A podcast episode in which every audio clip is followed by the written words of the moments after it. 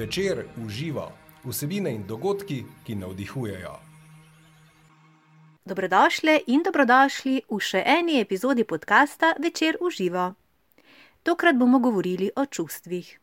Zakaj je dobro, da jim prisluhnemo in sledimo, saj so po besedah naše sogovornice čustva naš notranji smerokaz. Kaj se zgodi, ko tega smerokaza ne upoštevamo in uberemo drugo smer? Kaj je zdravo čustvovanje? Lahko čustva preprosto delimo na pozitivna in negativna ali se otenki le teh prepletajo. Tokratna sogovornica je razvila metodo FIL, ki nam pomaga zdravo upravljati z našim notranjim, zelo pomembnim vitalnim delom sebe, z našim čustvenim svetom in preko njega ustvarjati izpolnjujoče in radostno življenje. Dobrodošla, dr. Špelca Morojna. Špelca Morojna, dobrodošli v našem podkastu in hvala, da ste se odzvali po vabilu. Kako ste? Ravno po dopustu smo vas ujeli, ne? Ja, moram priznati, da sem po eni strani še malo dopustniška, po drugi strani sem zapadla v vse podrobnosti, ki so me počakali, tako da danes sem nekako tako, kaj ne rečem, malo mešano, tako da verjetno vsi prvi dan po dopustu. Zmedeno, ne? Taksi vas bi tudi Ja. verjetno imeli, vas že kontaktirajo, iščejo, vam pišejo. Ja, zagotovo, pa stvari so, ki so ostale odprte in zdaj seveda Ja. se nadaljujejo in jih je treba urediti, je kar nekaj odprtih zadev na krožniku. No, letos se mi zdi, da je takšno leto preporodno. In uh, tudi, tudi pri mojem delu se neke notranje spremembe dogajajo, ki sicer niso na zunaj vidne, ampak notranje v strukturi, torej podjetja, ki ga vodim in tako naprej. Tako da tu, se, tu je kar nekaj dela letos. No. Aha, tudi vi čutite, ne? oziroma je bilo to, bi lahko rekli, to leto je prelomno za vse, ne? Um, Jaz sem prepričana, da ja. ja. Ja, ja. Nasi, mislim, da, da ni človeka na tem planetu, ki ga ne bi letošnje leto se ga dotaknilo na tak ali pa drugačen način. Jaz sem sicer najprej mislila, da se nas ne bo kaj hudo, ampak uh, sem vseeno vezana na torej, eh, organizacijo dogodkov v živo, tako da tukaj da se moramo pač držati tele meje, številke za leto. Torej, jaz ostajam optimist, jaz verjamem, da se bo vse v redu izteklo, ampak seveda zahteva določene prilagoditve in potem je to neko dodatno delo, na katerega nisi računal. Ne? Je pač malo bolj, eh, kako naj rečem, malo več je zažonglirati, malo več je žogi v rokah včasih, ko žongliraš. Mhm. In se je treba znajti, ne? Um, Ja. Eh, Rekli ste se dogovarjali uh, za tale pogovor, že pred, uh, pred časom ste rekli, da boste na dopustu oziroma da prakticirate tole neke vrste razstrupljanje oziroma odmor od socialnih omrežij, od mailov. A vi to redno prakticirate? Ja, moram reči, da redno, zdaj se prav, eh, do zdaj sem recimo v takem času, v začetku avgusta, ponovadi odpotovala v Ameriko, v Združene države, na eno takšno izobraževanje, ki, oziroma transformativno potovanje, mm, oziroma bolj kot transformativni kemp, ki Mhm. poteka v gorah West Virginije, tam, kjer tak in tak ni signala. Ne? Se Mhm. pravi, tam jaz nimam signala telefonskega, smo v šotorih in pač delamo čez dan te eh, pač skupine, ki jih delamo in je zelo fajn. Jaz sem zelo tak outdoor človek in obožujem eh, naravo in zelo rada sem v stiku z njo. No in sprej to bi bila moja običajna, ne, eh, ta VC detox, ampak letos sem se odločila za malo drugačnega, torej zato, ker jasno nisem mogla odpotovati v ZDA, sem se pa odločila, da bom ostala na morju sama. Eh, Res sama in eh, sem izklopila VC, čeprav sem ga imela, kar je bil kar eh, izziv, zaradi tega, ker to je tako, ja, to je tako, če rečeš, ne bom jedla čokolade, pa imaš pa čokolado doma, ne, drugače se je ne bi imel, ne. Ja. Moš biti bolj trdno voljo. No in, in sem Wi-Fi res, da nisem sklopila niti enkrat, to mislim, da je bilo devet dni zdajle. In uh, sem v tem času se posvetila uh, torej, sebi in pa pisanju knjige. In to, sem, in to sem naredila zelo dobro potezo, sem zelo zadovoljna z njo. Ni še sicer knjiga čisto gotova, ni še nekaj manjka, mogoče kakšen 20%. Uh, sem mislila, da bo šlo hitreje, ampak seveda ne, je bolj izčrpno, kot sem pričakovala. No, in uh, tako da sem se temu in sem imela res fokus samo na sebi in na knjigi, in uh, je bila krasna izkušnja. No, moram reči, res krasna. Evo, vidite, to je bilo zdaj tudi, ker sem vas želela vprašati, če ste slučajno že začeli pisati kako novo knjigo. Vi ste sicer avtorica petih, imam, prav, imam pravo informacijo oziroma Um, ne, treh. A, treh, aha, treh, ampak jih bo ja. kmalo pet, očitno jaz to zdaj malo kaj. Ja, ja. Pre, um, na, um, sem jaz novila. Tako. Ja, še jaz sem videl. Ja. Ja. Pet, tale in še eno imam že v planu, tako da zagotovo bo. Ja, bo vsaj pet, ja. Um, gospa Špelca, po formalni izobrazbi ste torej doktorica znanosti z področja računalništva in informatike. Drži.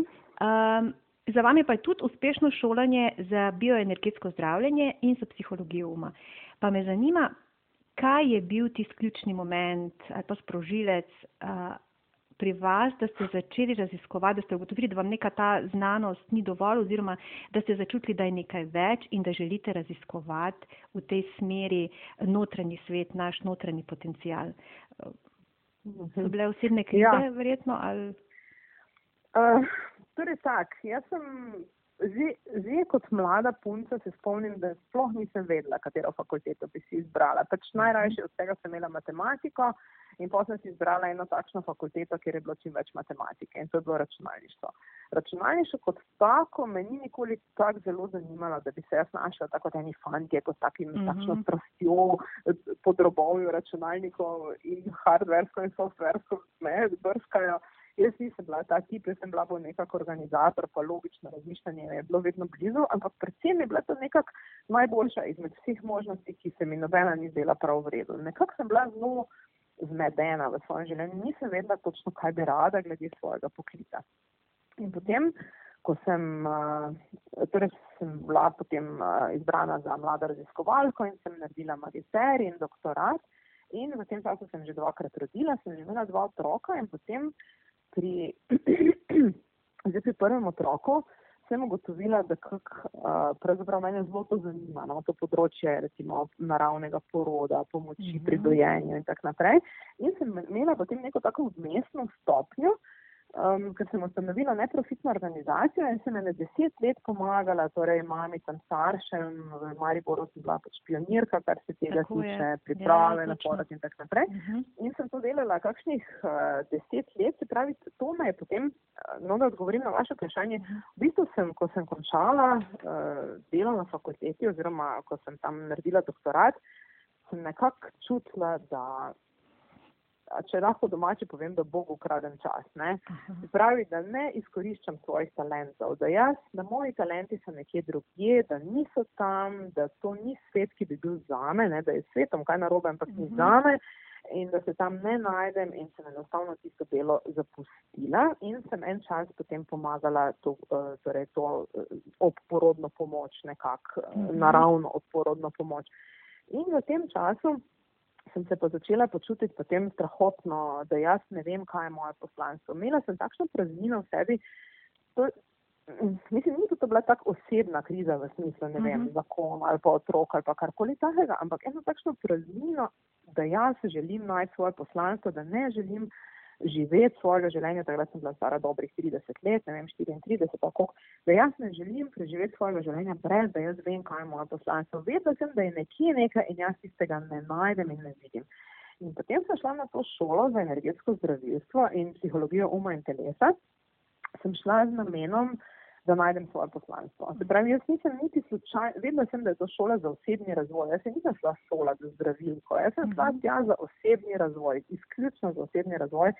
In to se je izkazala kot ena najboljših odločitev v mojem življenju, zaradi tega, ker sem tam ugotovila, da smo ljudje čustveno ranjeni, da so se nam zgodile v preteklosti izkušnje, ki so bile preveč za nas, da nas te izkušnje, ki so bile preveč za nas, na nek način iz nezavednega vodijo in potem imamo težave v zdajšnjem življenju, za katere ne poznamo vzroka in jih ne moremo razrešiti. In čustvene težave, in v odnosih, in seveda tudi zdravstvene, in finančne. Skratka, vse mhm. težave padajo v to kategorijo. In potem sem na tej šoli skratka to začela sploh spoznavati. Svet, ki mi je bil prej um, daleč, ne mhm. poznan, uh -huh. Kitajska, Amerika. Uh -huh. Mislim, ni, ne, to ni obstajalo, nisem vedela nič o tem. In potem po treh, to šolanje traja štiri leta plus dve leti uh, dodatni študij. No in jaz sem na po treh letih torej naenkrat začutila, da sem na pravem mestu, da je to to, kar si želim početi, da si želim pomagati ljudem do boljšega stanja. Moje stanje se je takrat že bistveno, bistveno izboljšalo. Našla sem pa občutek poslanstva, čustveno sem uredila veliko stvari v svojem življenju In, uh, in sem potem naenkrat začutila, da je to. Jaz sem na svojem mestu in življenje me je peljalo točno tako, kot me je moralo. Uh, tako, da, tako da sem to potem po tretjem letniku ugotovila. No, se mi je pa življenje potem še vseeno zelo popopralo, ne, izkušnje, mm -hmm. ker po tistem sem pa potem uh, pač ugotovila, da tudi v zakonu pač sem delovala po prejšnji špilci, ne več po ja. novi špilci. Mm -hmm.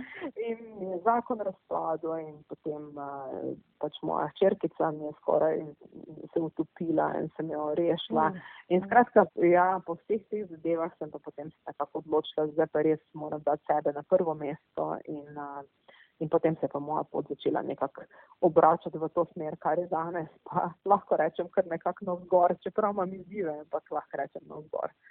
Vse življenje, ne? se jaz mislim, da so izzivi, ampak sam, da greš preko njih, ne? Da, jih, da ne kapituliraš. Ne? Ja, se to je zelo lahko reči, da ja. neko pa sredi izziva je pa včasih res naporno, to vsi vemo, ne? da ja. bi takrat včasih se rekli, tako kot pravijo oni znani rokanski pesmi, da ustavite zemljo, ila ja. sila zemlje, ja. ustavite zemljo, jaz izstopam. Včasih se kar močno susijo izzivi. No. Um, ker, zdaj ste mi dali super istočnico, planirala sem, da vas bom kasneje vprašala, ampak so rekli, da se slediva. Um, kaj, ko, prist, ko so vas, ne vem, rekli ste uh, razpad zakona, pa skoraj vam je črkica uh, umrla in vse te stvari, uh, da ste nekako bili na dnu, bi lahko rekel, oziroma na najnižji točki v življenju, kaj je bil tisti, ko, ko ne vidiš rešitve, pač nimaš, večina uh mhm. -huh. takrat nima neke širše oziroma više perspektive, kaj pa bil tisti prvi korak ali pa moment, ko vas je pa dvignil, ne vem, za korak više ali pa da je bil neko driv. Kaj je bil tisti preblisk? Ja. Ali pa um, vaša ja, prva poteza? Ja. Torej, um, to je bilo tam okrog, ko sem bila stara okrog 42 let, ko sem imela to tipično krizo srednjih let. Uh mhm. -huh. In takrat mi je pač zakon razpadel. Um, potem tole za hčerkico se je zgodilo, uh mhm. -huh. oziroma to za hčerkico je bil pravzaprav nekak uh, potisk, uh mhm. -huh. da moram zapustiti svoj zakon, ker sem se ga uklepala in nisem želela tega spustiti. Ampak potem, ko sem se pač ločevala, potem sem pa čustveno, pa psihično v bistvu bila tok na psu, uh -huh. uh, da sem tudi finančno bila v zelo veliki stiski, enostavno sploh nisem bila sposobna delati, ostala sem čisto sama s tremi otroci, brez pomoči, skratka, bilo je res tako dokaj temno obdobje. Eno z drugim potegne, ne? Pa gre kot ja, tako. En, res, res ena taka, taka resna kriza je bila in dve mhm. leti je trajala pri meni. Vem, da mi je enkrat mama, moja mama je bila zelo duhovna ženska, enkrat uh -huh. rekla, veš kaj, je rekla vse uh, velike duhovne torej učitelje svetovne, ki jih mhm. poznam, niti enega niki ne bi šel skozi zelo resno krizo. Ne. Ja. Rekla, se pravi, če si namenjen na nečemu, da karkoli resnega premakneš v svetu, moraš iti skozi resno krizo. Ne. In to se spomnim, da mi je takrat dalo neko tako, um, tako oporo. Ja. Ampak ključno, kaj se je pa zgodilo, torej hkrati sem, pravi, sem, šla, sem zašla tudi v finančno stisko, da nisem vedela, kako za otroke sploh poskrbela in tako naprej. In to je bilo že po diplomi na šoli Barbare Brennan, se pravi, uh -huh. sem mhm. imela že doktorat plus diplomo v žepu uh mhm. -huh. in ko sem tako finančno zgrmela na tla. In takrat sem potem enkrat, uh, se spomnim, živela sem v Tujini v Španiji in sem prišla enkrat na obisk v Maribor k svoji mami poletje je bilo in sem en trenutek, ko sem sedela na vrtu pred njeno hišo, imela dovolj. To se tako spomnim tistega mm -hmm. trenutka, sem rekel, zdaj imam pa jaz dovolj. Zdaj pa rabim nek, neko smernico, neko, ne vem, um, pomoč, karkoli, jaz imam tega dovolj, finančnih težav imam dovolj, vseh teh težav imam dovolj. In sem šla k mami v njeno knjižnico in sem, se veste, kak je slučajno mm -hmm. zamešeno knjigo z police. Yeah. In, jaz, ja, in je bila knjiga od Louise Hay in odprem knjigo in je pisalo v, na tisti strani težav imaš, dokler jo potrebuješ. Evo, vse, lepo sporočilo. In se je tako jezna. In se je tako jezna, se ga pa kako mnogo meni rekel, da jaz potrebujem te težave, to ni res, jaz te ja. težave nisem sama skreirala, sem se začela kot mali otrok se pisati. Ja. Potem pa sem si rekla, veš kaj, daj ti reč prisluhni, kaj ti je knjiga povedala. In potem sem začela raziskovati, zakaj pravzaprav si jaz kreiram te težave v življenju in sem našla vzrok, zakaj si kreiram sploh finančne težave. Se pravi, nekako sem mislila, da me bo moja mama boljše videla, če bom imela finančne težave. In takrat sem se odločila, ok, jaz želim imeti z mamo lep odnos in ne želim imeti več finančnih težav. Mm. In od tistega trenutka naprej so se začele potem stvari tako zlagati, da sem uh, dobila dostop do določenih znanj, predvsem poslovnih znanj in tako naprej, da sem potem lahko začela res ta, to delo, ki ga danes delam, začeti postavljati tudi kot full-time job, se pravi mm -hmm. kot mhm. posel. Ne. In, ampak tiste je bil res prelomni trenutek, ker sem se nekako z lastno odgovornostjo soočila, uh mhm. -huh. da res jaz kreiram to težavo zaradi tega, ker mislim, da mi bo ta težava, nezavedno mislim, uh -huh. nezavedno mislim, da mi bo ta težava na nek način pri nečem pomagala. In to je še zdaj moje veliko vodilo in tudi, ko se z drugimi pogovarjam, vedno rečem, gledaj, če hočeš biti res iskren do sebe, uh -huh. se vprašaj, kje imaš na nek način nek profit od, od te težave. Ali te drug človek vidi, ali te nekdo ne bo zapustil, ali misliš, da boš, ne vem, nekoga ne boš zgubil, nekaj imamo v sebi, nek, nek balans, nek pay off po angliško, na drugi strani za svojo težavo. In ko smo se temu pripravljeni odpovedati, takrat se bo težava začela razreševati. Ponavadi se pa potem seveda tista stvar, zaradi katero smo se tako bali, da bi jo izgubili, tudi razreši. Uh mhm. -huh. Ampak mi pač imamo eno enačbo v glavi, ki nas drži na svojem mestu. Zdaj upam, da sem to dovolj dobro razložila, no potrudila sem se, da bi čim bolj preprosto nekako razložila, kak je mene srečala ta lasna stvar. Krasno, krasno. Ja, zelo, eh, zelo slikovito, tak, um, mislim, da ste marsikomu zdaj le dali ki posluša, pa da se mogoče uh, znajde v kakšni navidez brez izhodni situaciji, eno lepo informacijo, lepo sporočilo. Upam, no? Ja. Vse ja. imate pa že v bistvu tudi rezultate, vi delate tudi, uh, no, da zdaj greva uh, k, vašim, k vašemu delu, um, imate delavnice, um, predavanja. Um, je, večinoma jih, kako naj rečem, vodite oziroma prakticirate skozi metodo FIL, je tako? Uh, uh, bo neka srčika te metode, zdaj če čisto poenostavim, je uh, ravnanje oziroma ja, handlanje, ravnanje s svojimi čustvi. Čustva so zelo pomembna, pomembno je, da, da jim sledimo. Oziroma, uh, gospa Špelca, zakaj je pomembno, da sledimo svojim občutkom in kako ta metoda sploh deluje, kako nam pomaga? Teče ja. vas na kratko oziroma tak.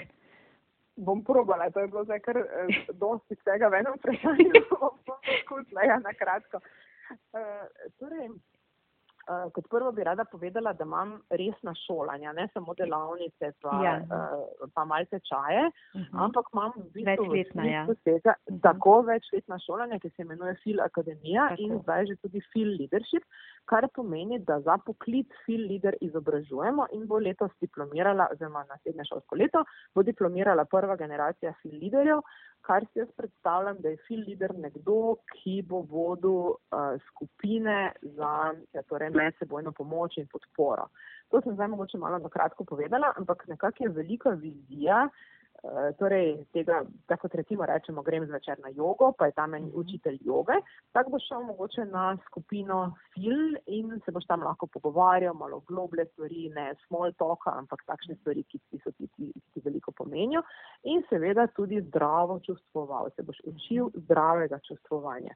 In zakaj je to tako pomembno? Se pravi, torej zdravo čustvovanje Jaz mislim, da je pomembno zaradi tega, ker so občutki res naši neki notranji svetilniki, uh mhm. -huh. notranji smerokazi.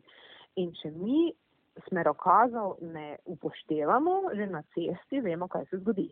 Ne, pač pridemo drugam, kot smo mislili, da bomo prišli. Uh mhm. -huh. Enako se nam zgodi ena velika težava. In mi v življenju veliko krat nismo več kot odrasli sposobni poslušati svojih notranjih teh smerokazov. Zato, ker nas že v otroštvu veliko krat zatrejo, zatovčejo, nas učijo naj ne čustvujemo, da naj bomo pač ne, naj to potlačimo, ustavimo v sebi, tako naj bomo trdni. In potem se mi odrežemo od zelo vitalnega dela sebe in to je naš čustveni del.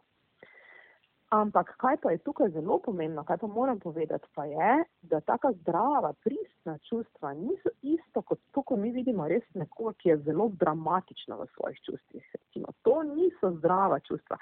Zdrava mhm. čustva niso, da nekdo si kar prvošči ne vem, se popolnoma razjeziti na nekoga drugega in, in vse izbruhniti, kar je, ne vem, kako dolgo se nabiralo, ali pa da se nekdo smili samemu sebi in je v vlogi žrtve, ne vem, en mesec skupaj ali pa deset Mhm. let. Ne?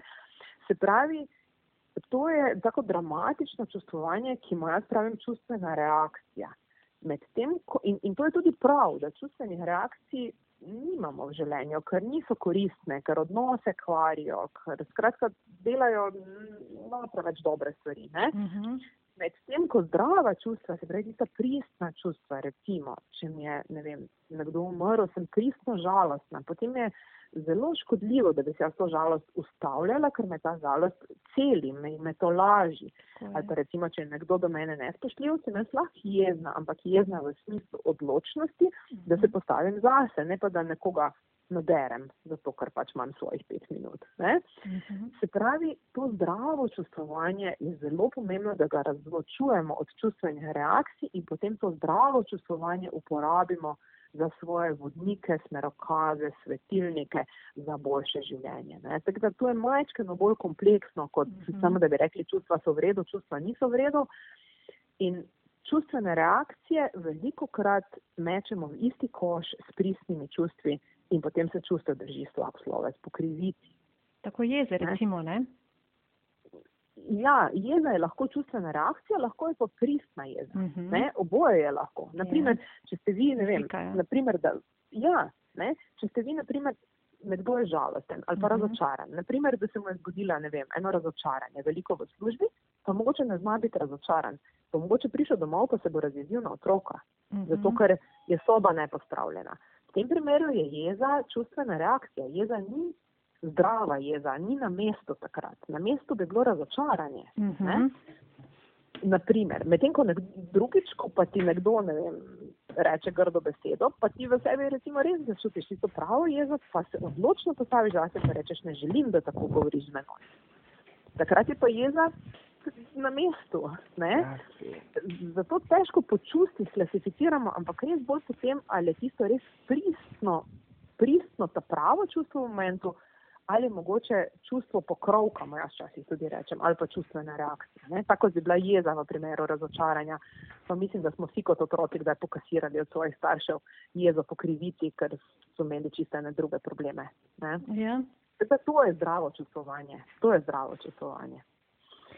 Ja, in eh, v bistvu najbolj uh, zanimivo je, najbolj naravna stvar, najbolj naša naravna, spontana, uh, kako bi rekla, lastnost, ta naš notranji svet čustveni, pa se ga moramo na novo učiti, ne, oziroma na novo spoznavati, kako ravnati z njim. Ne? Ravno bolj zaradi ovire vzgoje. odstranjevati. Ja, Ja, tako. nekako moramo ovire odstranjevati, ki so bile na to naložene. Ne? Mhm. Ja, se strinjam z vami, absolutno. Ne? No in metoda FIL je pa metoda v štirih korakih, ki nam to pomaga zelo preprosto narediti. Zelo preprosto priti do tistega res pristnega čustva v nas. Ne? Mhm. Naprimer, da bi se tista oseba, ki je bila razočarana, pa ne zna biti razočarana, oziroma je težko biti razočaran in pride domov, pa svojega otroka nadere, ker ni sobe postavil. Rečeva, da je, jaz sem Mhm. to naredila, ne, ne bom nič se Ja, počutila. marsikdo s to pelom pač naredimo, ja. naredimo to, ne? zato ker pač takrat tisti hip ne znamo drugače. No in v metodi fil bi pa recimo se vprašal najprej, ok, a sem jaz zdaj res jezna na tega otroka, ali se mogoče v meni kaj drugega dogaja. Se pravi, to bi bila prva črka, da, sem, da si dovolim eh, fokus dati nase in da v bistvu ta fokus dam nase in si dovolim začutiti.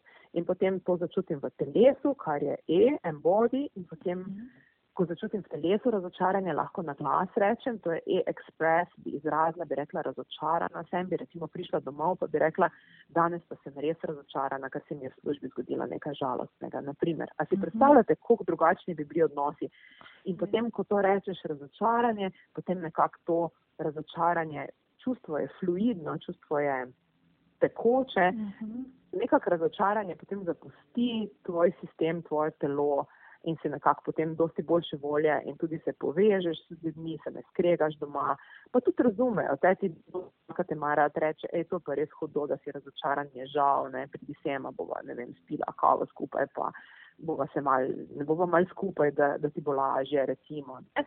Se pravi, to je ta preprosta metoda, ko pač greš skozi te štiri korake in a, se povežeš s seboj, s pristnimi čustvi in tudi z drugimi ljudmi in imaš potem seveda bistveno lepše odnose. Ne. Uh, gospa Špelca, na ta vaše izobraževanja, na te šole, um, a ljudje, uh, ko pridajo um, z željo po spremembi, uh, se, kako se odpirajo um, hitro? Slovenci smo znani kot zelo zadržani, ne? to je že nekaj, bom rekel, naše kolektivne zavesti. Um, pa potem rezultate imajo najboljše tisti, ne vem, ko mogoče na začetku se teže odprejo, pa potem res toliko bolj predano, ali kakšne so izkušnje? Ha, eh, jaz mislim, da Slovenci nismo tako zelo zadržani. Jaz mislim, ne, smo nekaj srednjega, bi jaz uh mhm. -huh. rekla. Oziroma, celo smo kar v redu, zaradi tega, ker naprimer vse mogoče izgledajo kakšni američani ali pa španci ali pa italijani bolj odprti, ampak niso tako pristno odprti, so moče malo bolj, malo bolj narejeno. Ne? Uh, poleg tega, če hočete videti res zaprte ljudi, morate iti v Anglijo. Recimo, Aha, še hujš, ja. Ni tako hudo, ne? Še ni tako hudo. Tako da, zdaj rezultati, uh, največje rezultate ima tisti, ki ima svojih težav res dovolj, uh -huh. ponavadi. Tako sem jih jaz imela v tisti yeah. zgodbi, ki prej, ko sem jo povedala. Ko nekdo reče, jaz imam dovolj, ne želim več na tak način živeti, želim živeti torej, v skladu s seboj, želim živeti srečno, zadovoljno, želim si.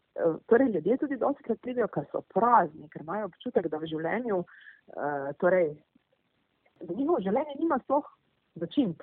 Ja. Da, da si kot en robot, zjutraj vstaneš, greš službo, delaš to, kar so ti drugi rekli, prideš domov, skuhaš, poješ, eh, pelješ otroka na trening, greš začer spat. Nima nobenega džusa več tvoje življenje. Ja. In to je dosti krat zato, ker spustimo čustva iz svojega življenja. Ker čustva bi nam mogoče narekovala kakšno bolj drzno dejanje, Tako. pa si tega ne upamo. Ne? Tako da iz Mhm. vseh teh razlogov pridejo. Ne? Pridejo in zato, ker imajo težave, in zato, ker so prazni, zato, ker se jim zdi škoda življenja na tak način preživeti. Torej, to sta tak mogoče dva dva glavna razloga. No. Se to je že veliko, da zaznaš, da, da želiš spremembo, ne? da, da ne, ustajaš, ne ustrajaš v vlogi žrtve oziroma v nekem pasivnem položaju. Ne? To je ključno. Ne? To je Ključno. ključno. To je en, tak, to je en zelo uh, pomemben. Mislim, to je pravzaprav predpogojno. Brez tega sploh se ne moreš naprej premakniti. Tako. Uh, vi pravite, ja. uh, na vaši strani piše oziroma govorite, vaša, naj, da je vaša največja strast preboj vaših klientov in njihova transformacija v srečnega in svobodnega kreatorja. Tako poslovnih Mhm. uh, finančnih san- sanj, kot tudi zasebno. Sej prej, vse se začne najprej na, nek, na, na neki tisti osebni ravni, ne? da potem sledi tudi uspeh na ostalih sporednih uh, nivojih. Ne? Mhm. Pa, tako rečete, da že prej ste tudi omenili kreatorji, da smo lastnih življenj.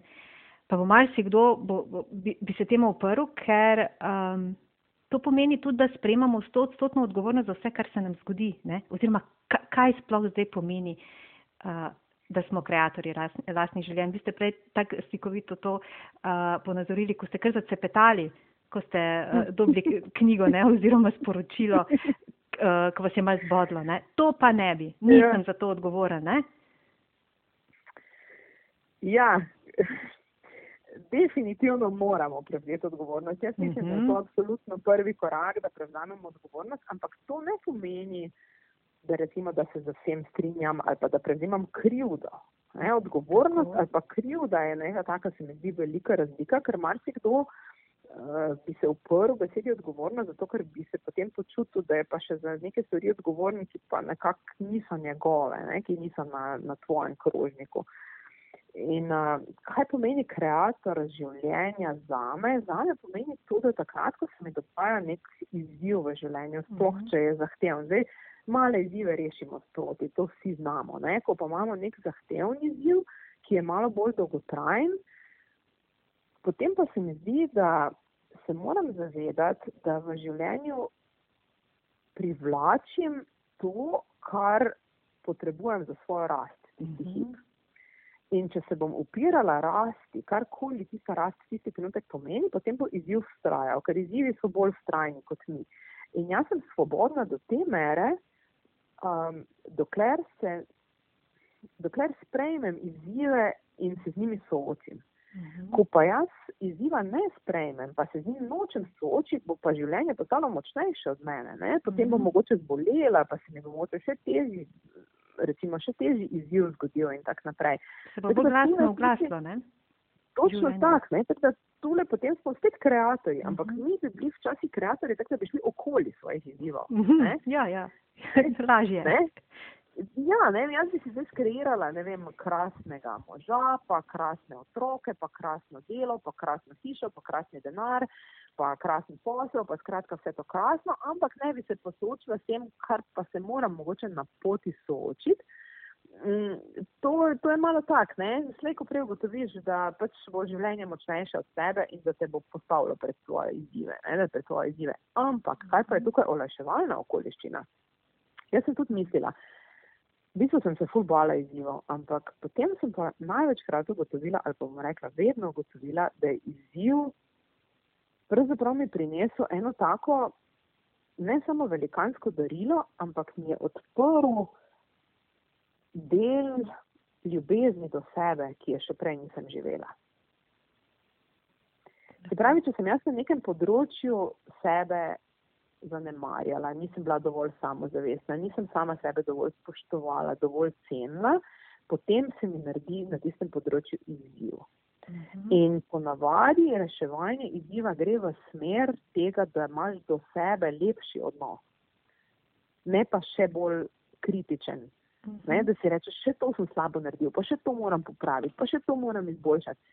To ni namen izziva, ponavadi ni to. Namen izziva je, kako sem lahko bolj ljubezniva, bolj To. ljubeča do sebe, bolj spoštljiva do sebe, kako lahko sebe bolj cenim, sem bolj jasna za svojimi mejami. To je ponavadi darilo izziva in zato mislim, da bi se jih lahko veliko manj bali, kot se jih bojimo v resnici.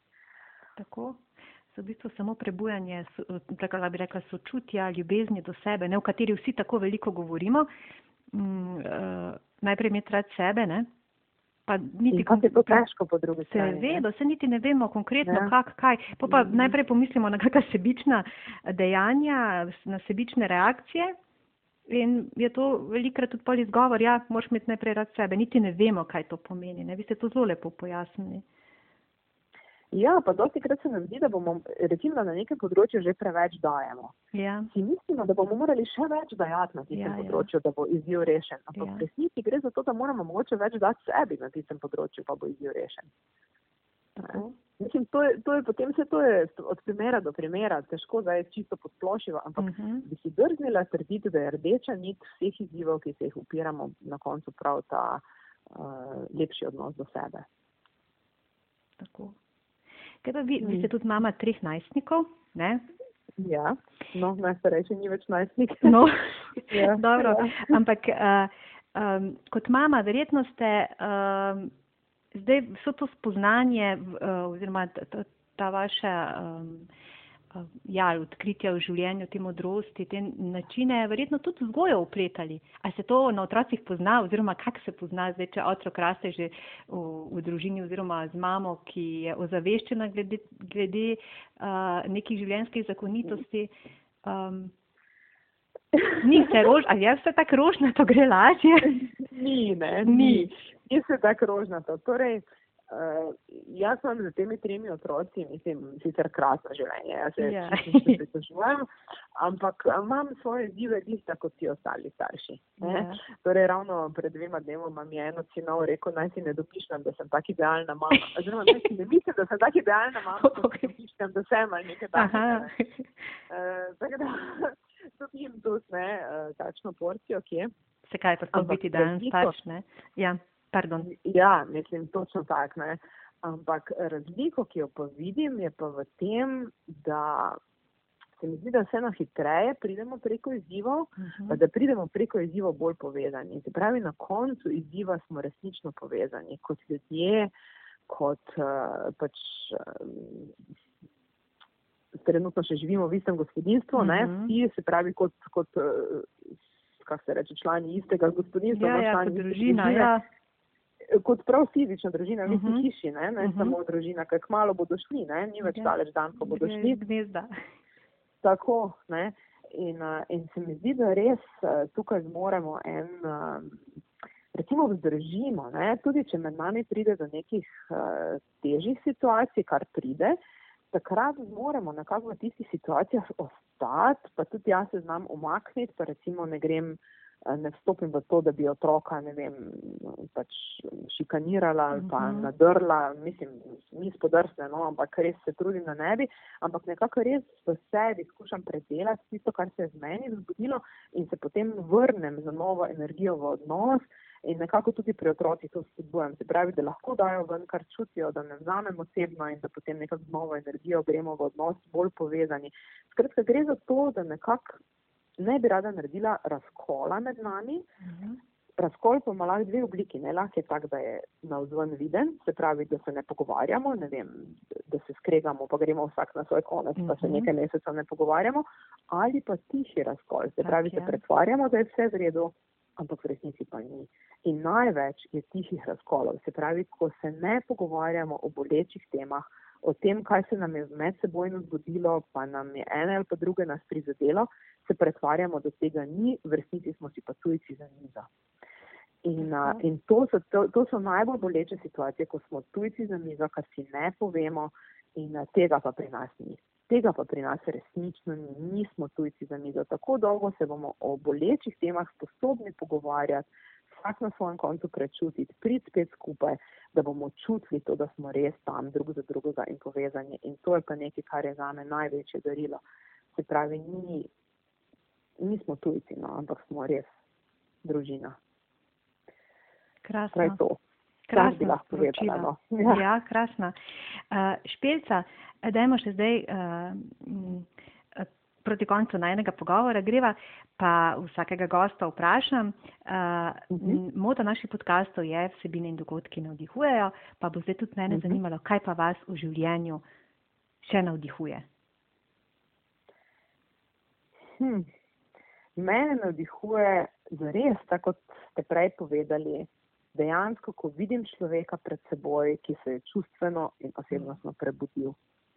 Ko se je prebudil in začne poslušati sebe, slediti sebi, postaja močan, ker pravzaprav, ko, si, ko ti znaš zdravo čustovati, si močan, takrat nisi šibek. Takrat si najmočnejši, kar je sploh možno, zaradi tega, ker poslušaš sebe, si v skladu s seboj in hkrati si spoštljiv do drugih in ostajaš povezan, se pravi, ne odsekaš od drugih ljudi in ostajaš povezan.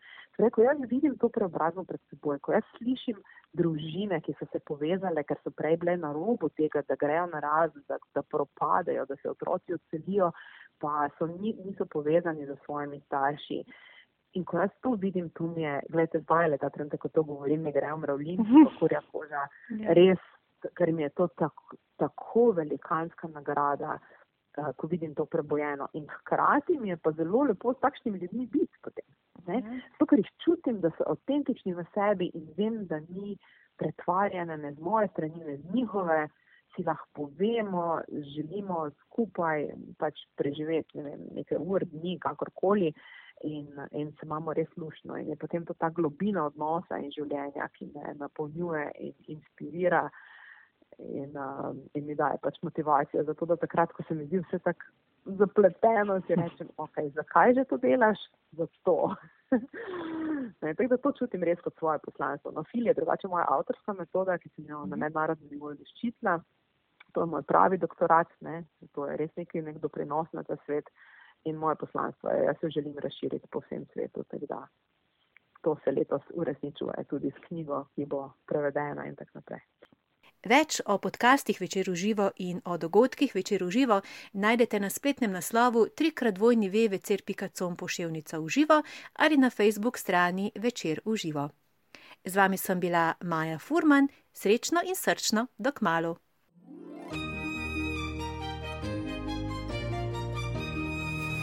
Večer uživa vsebine in dogodki, ki navdihujejo.